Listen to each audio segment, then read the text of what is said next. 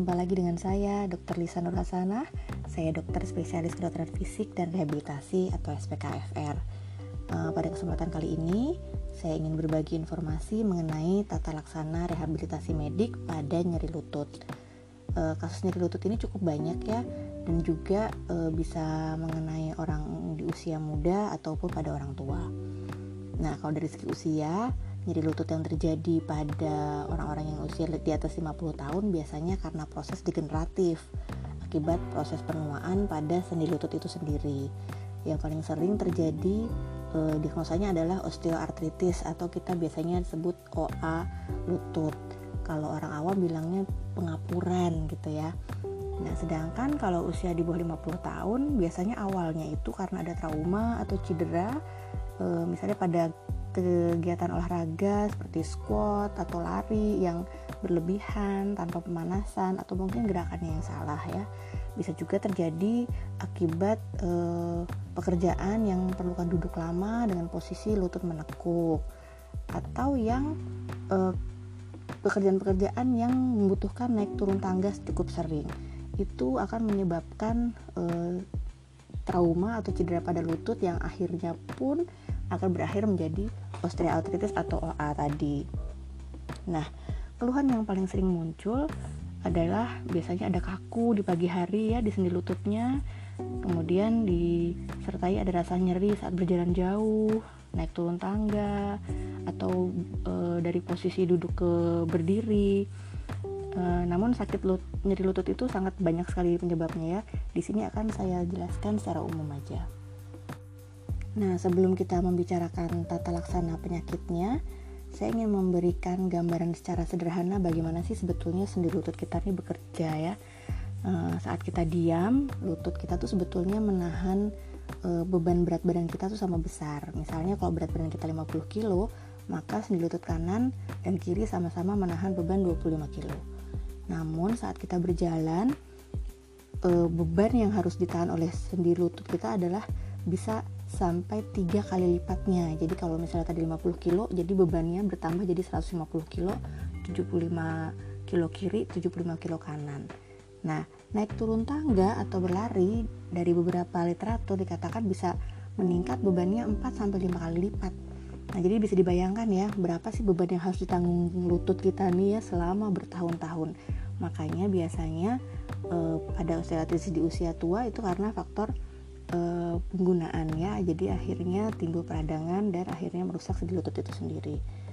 Nah satu hal lagi jika dilihat dari anatomi kaki kita nih mm, dari area panggul kan lebar ya kemudian jadi lebih sempit ke arah kaki. Nah hal ini ternyata e, menyebabkan sisi dalam lutut kita itu sebetulnya menahan beban lebih berat. Sehingga e, di beberapa literatur dibilang sekitar 70% sisi medial itu menahan lebih berat daripada sisi yang e, lateralnya atau sisi dalam itu lebih menahan lebih berat daripada sisi luar e, lutut.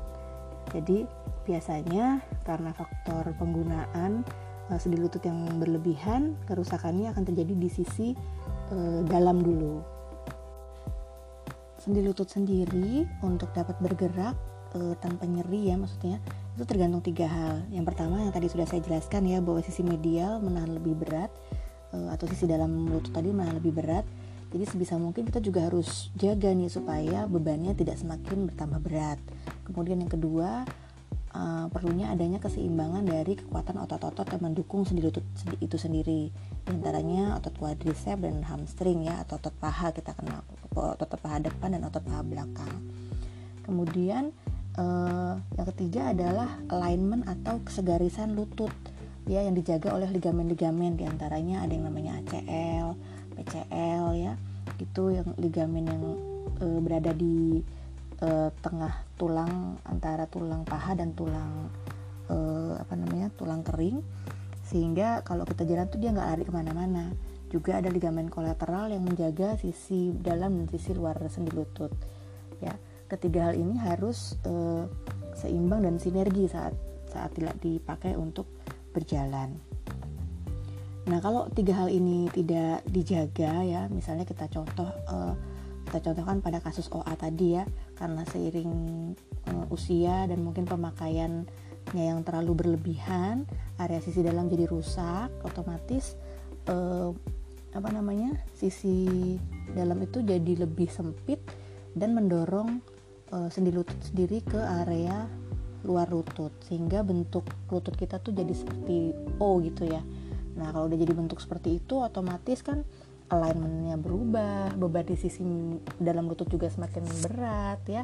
Dan otomatis karena e, nyeri lututnya juga e, hebat pasien akan lebih malas bergerak dan akhirnya otot-otot juga jadi lemah. Nah kalau udah kayak gini udah kompleks nih. Nyeri lututnya makin berat dan pasti untuk berjalan juga sulit nah jadi apabila kita sekarang ini uh, sudah mulai ada nyeri-nyeri lutut jangan sampai nih uh, kita berkembang untuk sampai ke uh, nyeri lutut yang seperti itu yang ber sudah berubah bentuknya yang sudah tidak bisa lagi diperbaiki Nah, apa yang bisa kita lakukan untuk mencegah supaya nyeri lutut ini tidak bertambah berat ya? Jadi dengan dasar hal-hal yang saya jelaskan sebelumnya, biasanya dokter SPK FR itu akan memberikan edukasi uh, supaya kita menghindari kegiatan-kegiatan yang membebani lutut secara berlebih. Misalnya tadi ya, uh, sering duduk dengan lutut ditekuk misalnya saat bekerja ya. Nah hal ini tuh bisa kita akalin nih, kita e, minta pasien untuk memodifikasi tinggi kursinya sehingga lutut tuh nggak terlalu nekuk lagi ya. Selain itu juga mengurangi kegiatan-kegiatan yang membutuhkan naik turun tangga. Ya misalnya kok jemurnya di jemurnya di atas ya, dia harus naik turun, nyetrikanya di bawah. Nah sebisa mungkin kita edukasi supaya ayolah kegiatannya semua mau nyetrika, menyucinya, menjemurnya itu di lantai yang sama. Jadi pasien nggak bolak-balik gitu.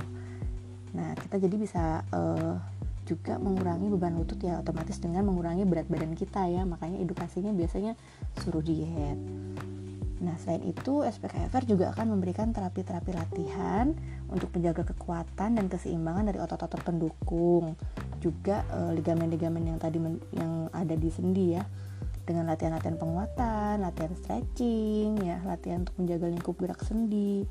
Nah latihan ini e, yang diberikan ini harus disesuaikan dengan kondisi pasien jadi tiap tiap tiap orang itu kita mesti lihat dulu kondisinya bagaimana dan apa yang diperlukan dan sebisa mungkin latihan ini juga uh, kita ajarkan supaya bisa dilakukan secara rutin di rumah.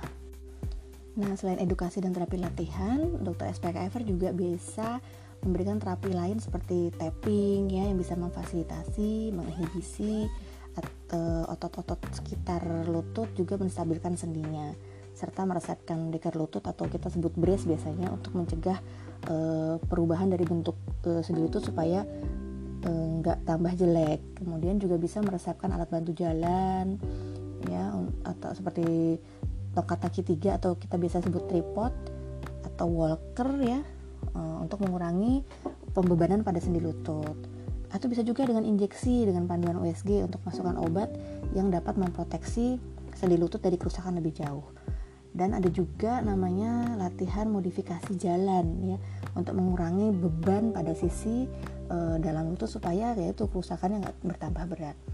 Nah jadi terapi-terapi yang diberikan oleh dokter SPKFR biasanya memang sangat tergantung dari kondisi tiap-tiap pasien dan e, derajat beratnya.